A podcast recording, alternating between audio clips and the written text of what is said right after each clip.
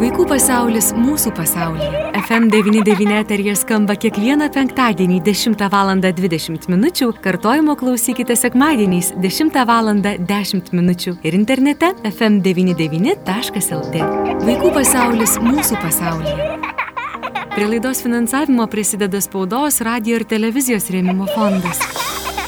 Labadiena, brangus FM99 klausytojai. Studijoje prie mikrofono Eglė Malinauskinė ir tikrai labai džiaugiuosi, kad galiu vėl su jumis pasisveikinti nuo mažiausio radio klausytojo iki paties vyriausiojo, palinkėti geros dienos, gražios dienos ir pakviesti, žinoma, sužinoti daug prasmingų, reikalingų, tikiuosi, ir naudingų dalykų. Šiandieną kalbant apie paauglystę. Ir aš tikrai labai džiaugiuosi, kad šiandien laba diena galiu pasakyti multidimensinė šeimos terapijos specialistai Daiva Iraginytė. Labą dieną, Daiva. Labą dieną, labą dieną, Eglė. Gal pradžioje mūsų pokalbio aš jūsų klausčiau, kas apskritai yra ta paauglystė. Ir jeigu, sakykime, kai aš pati buvau paauglė, tai kažkaip galvojame, na, kad jau 13, 14, 15 metų tai paauglystė, bet kažkaip tenka pastaruoju metu vis girdėti, kad paauglystė, pasakykime, taip jaunėja. Mhm. Ar tai yra tiesa ir kas tai yra? Mhm. Turbūt galvoju, kad kalbant apie paauglystę, tai toks platus pakankamai galėtų būti tas apibūdinimas ir neapibrėžimas. Ir daug knygų prirašyta apie paauglystę, kur gali prisiskaityti turbūt ir gauti įvairiausias informacijas, bet taip irgi bandžiau taip susidėlioti ir galvoju, jeigu keliais žodžiais įvardinant, tai paauglystė tai turbūt paprasčiausiai yra žmogaus tiesiog amžiaus tarpsnis. Ir amžiaus tarpsnis, kurį nebejotinai turbūt kiekvienas e, perėjom ar dar pereisim ar ne, ir tai yra visiškai natūralus procesas e, žmogaus gyvenime. Jeigu taip žiūrėti truputėlį detaliau, turbūt ir jeigu pa, na, patikslinti tą tarpsnį, ar ne, tai toks tai tarsi perėjimas iš vaikystės į saugystę, tas etapas, ar ne, ir ta paauglystė tuomet um, galima netgi išskirti ir į ankstyvąją, ir vidurinėje, ir vėlyvąją. Tai A, dabar apimantis tas tarpsnis yra maždaug nuo 10, 11 iki 18 metų. Ilgas. Ir, neži... Ilgas, tikrai mm -hmm. ilgas. Ir kaip vat, jūs patelė sakot, na, anksčiau buvo 13, 14, 15 gal ten metų.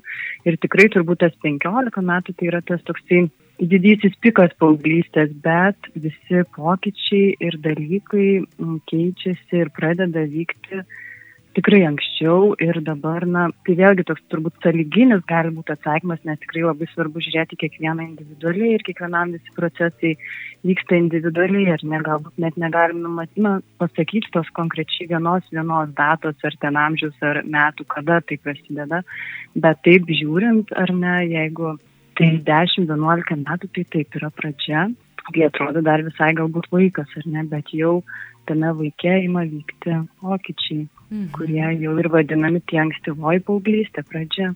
Mhm.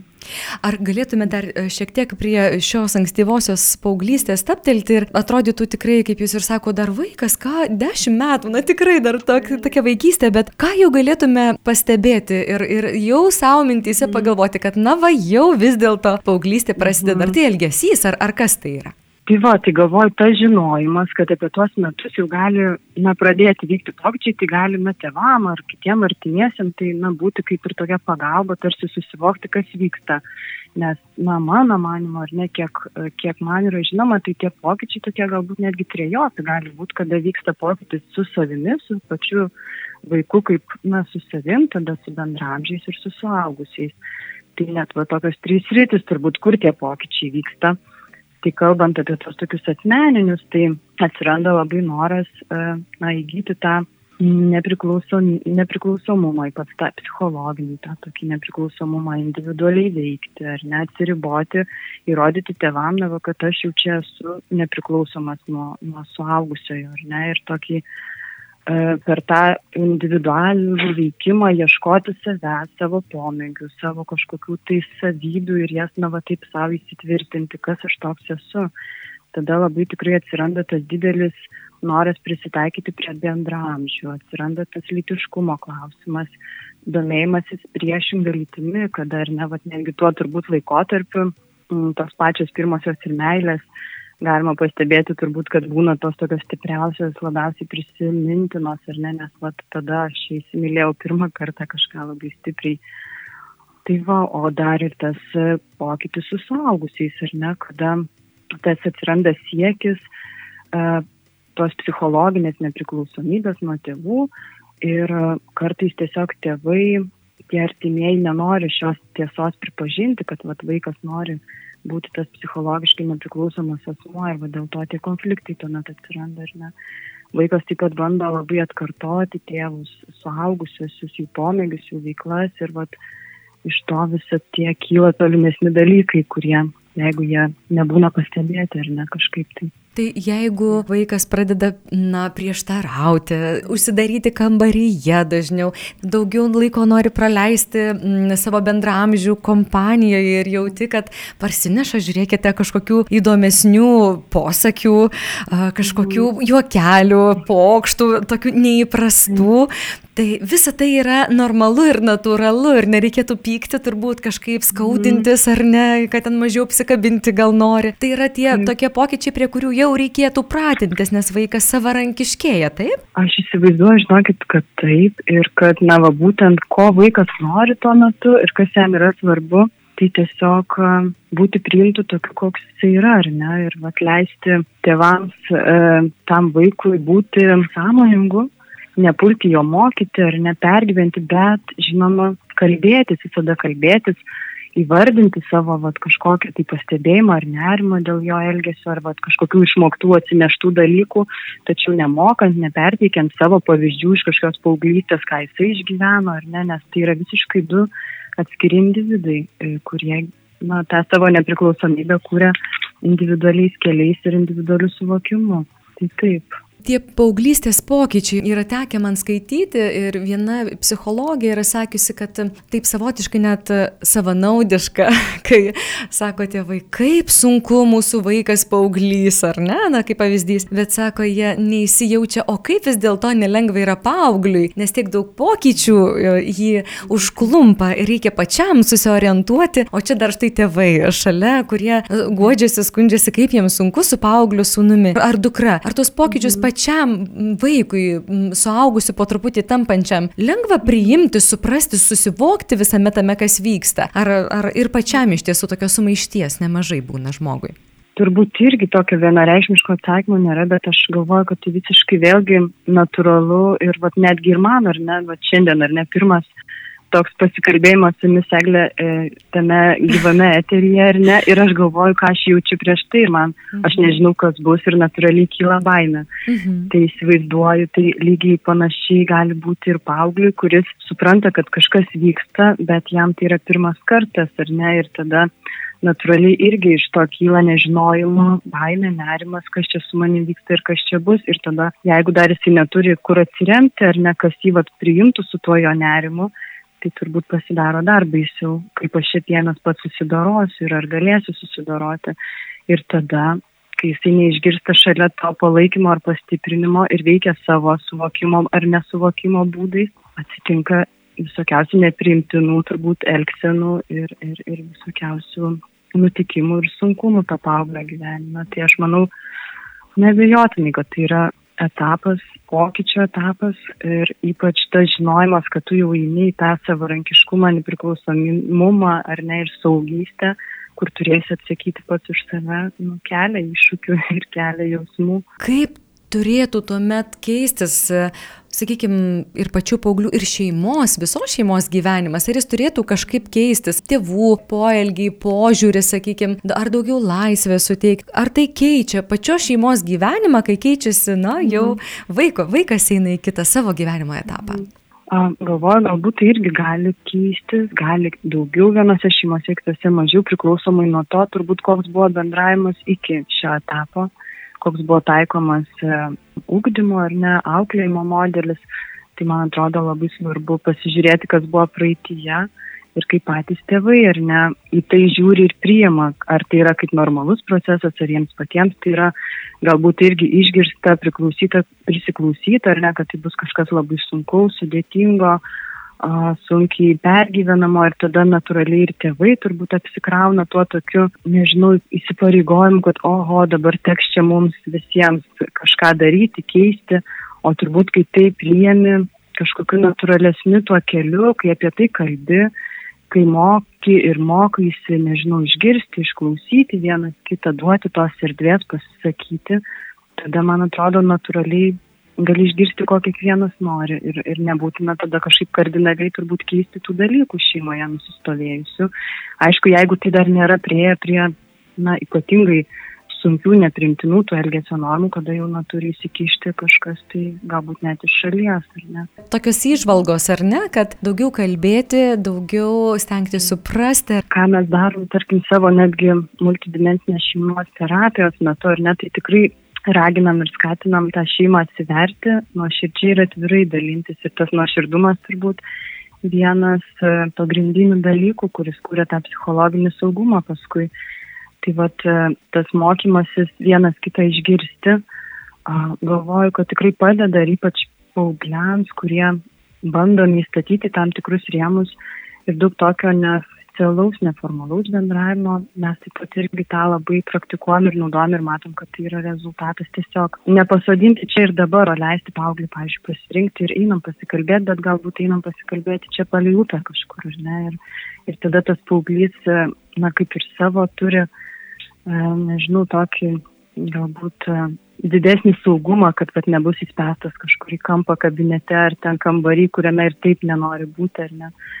Tai va, bet taip, aš manau, kad pagrindas pokalbis ir poreikių patenkinimas, bet čia irgi toks turbūt slidus dalykas, nes dažnai būna, kad tuos poreikius mes patys tėvai dažnai perkeliam savo poreikius į vaiką ir tada už tai gaunasi konfliktai, o labai svarbu pamatyti ir išgirsti vaiko poreikius ir juos atliepti ir juos paskatinti, palaikyti, palydėti kartu ar ne, kartu su tais poreikiais ir kai tie poreikiai yra patenkinti, tikėtina, kad tada ir viskas keliauja gera linkme. Jūsų klausydama galvoju, kad turbūt tai nelabai priklauso ir nuo vaiko amžiaus, nuo mažiuko iki tos vėlyvosios paauglystės, tie tėvų lūkesčiai, kurie, na tikrai kitą kartą būna ir prislegia vaiką, nes tėvai labai tikisi daug, jie įsivaizduoja, kaip turėtų būti. Ir čia turbūt reikėtų gal tokio um, nepamesti, nepamiršti tokio smalsaus žvilgsnio į savo vaiką. Jį, na, smalsiai jį žiūrėti, tiesiog žiūrėti, analizuoti, ar ne? Ir tada irgi galbūt paprasčiau ir patiems tėvams, ir, ir vaikams be jokios abejonės, ir paaugliams. Beje, Daiva, kalbant dar apie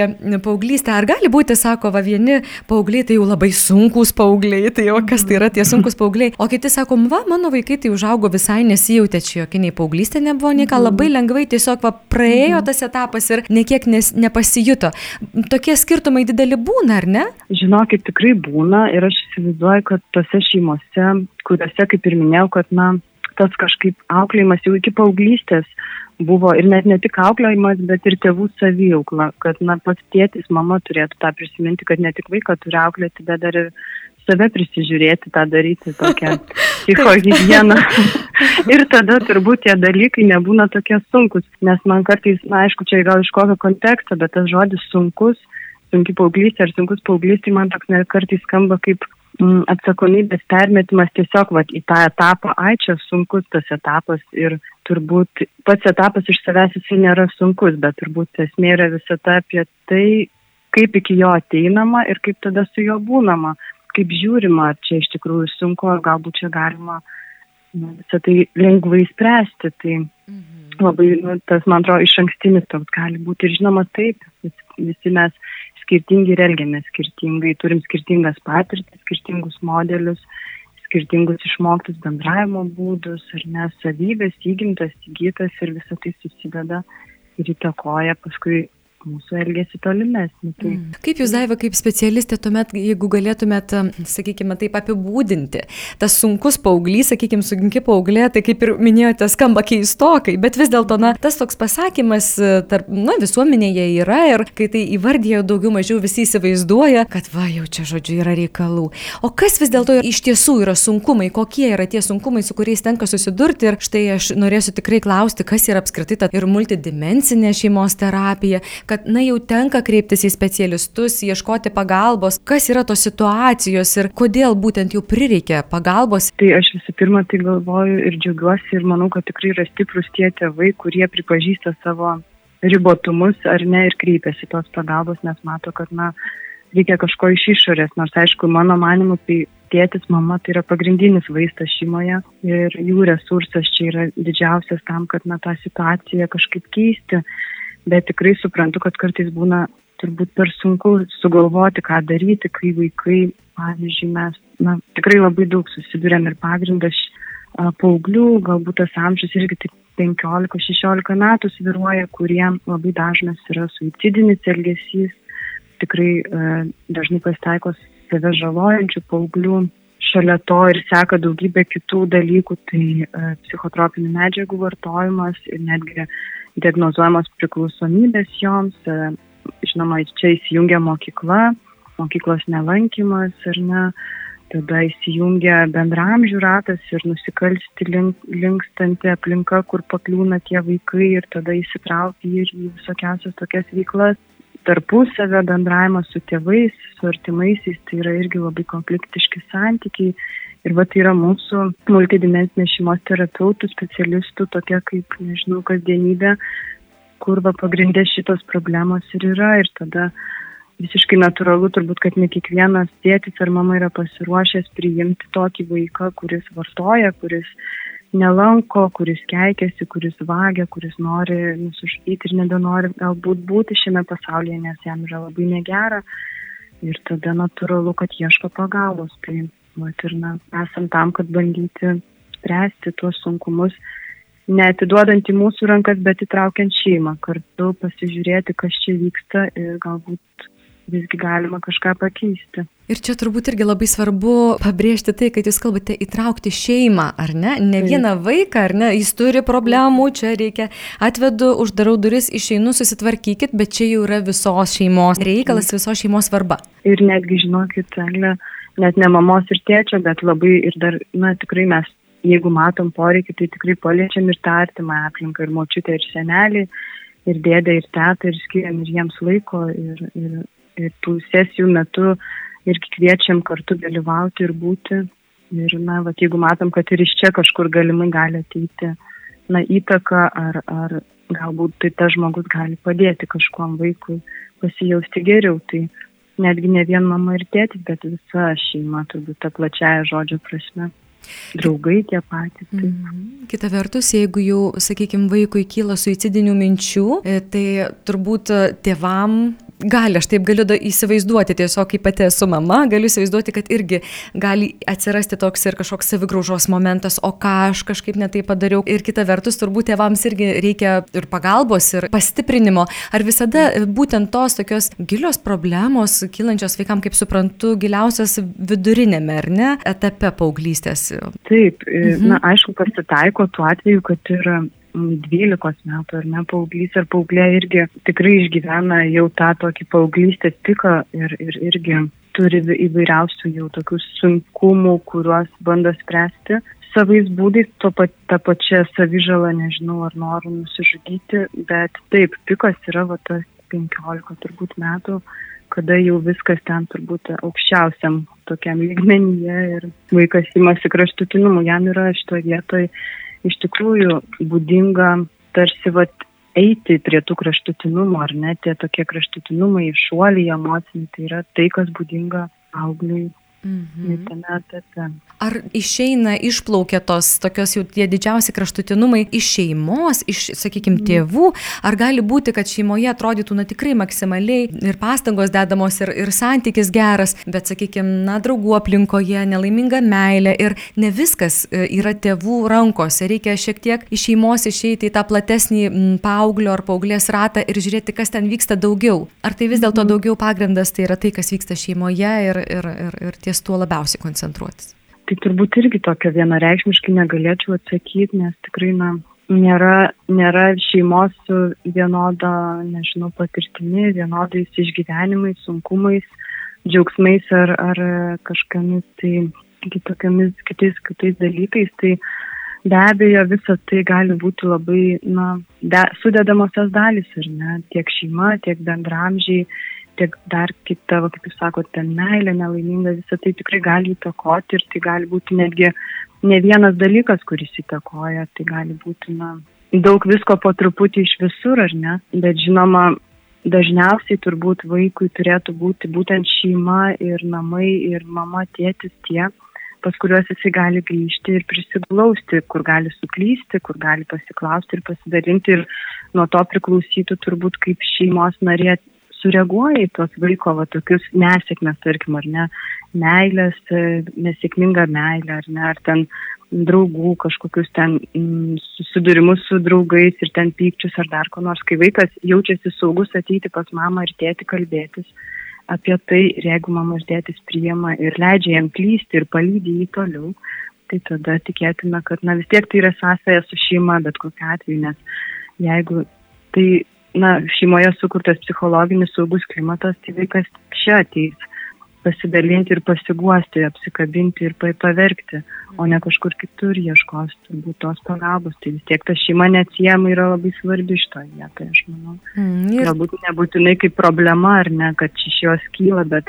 būtent tas taškas, kur norisi sugrįžti. Mhm. Ir nesvarbu, ar ne, kad paauglystėje galbūt atsiranda tas toks jau rankos nebeduosiu, jau gal taip labai neapsikabink, jau, jau nebepabučiuok, jau einu miegoti, užsidarau duris ir jau viskas. Ta prasme, tas toks atsiskirimo momentas yra, bet nereikėtų pamiršti, kad vis tiek vaikas, paauglys ir augantis vaikas, jam vis tiek yra svarbu, ar ne, jausti ir tą artumą, šilumą, nors fizinio kontakto gal jau kiek ir mažėja, mhm. ar ne? Manau, be abejo, taip ir, mhm. ir tiesiog leisti tam vaikui taip jaustis, ar ne, o tas paauglys, kada jis jaus norą ateiti apsikabinti, galbūt ne kiekvieną dieną, bet gal tai pasidarys kartą per mėnesį, tada jį kuo šilčiau apkabinti, suprantant, kad na, jam taip yra dabar. Mm.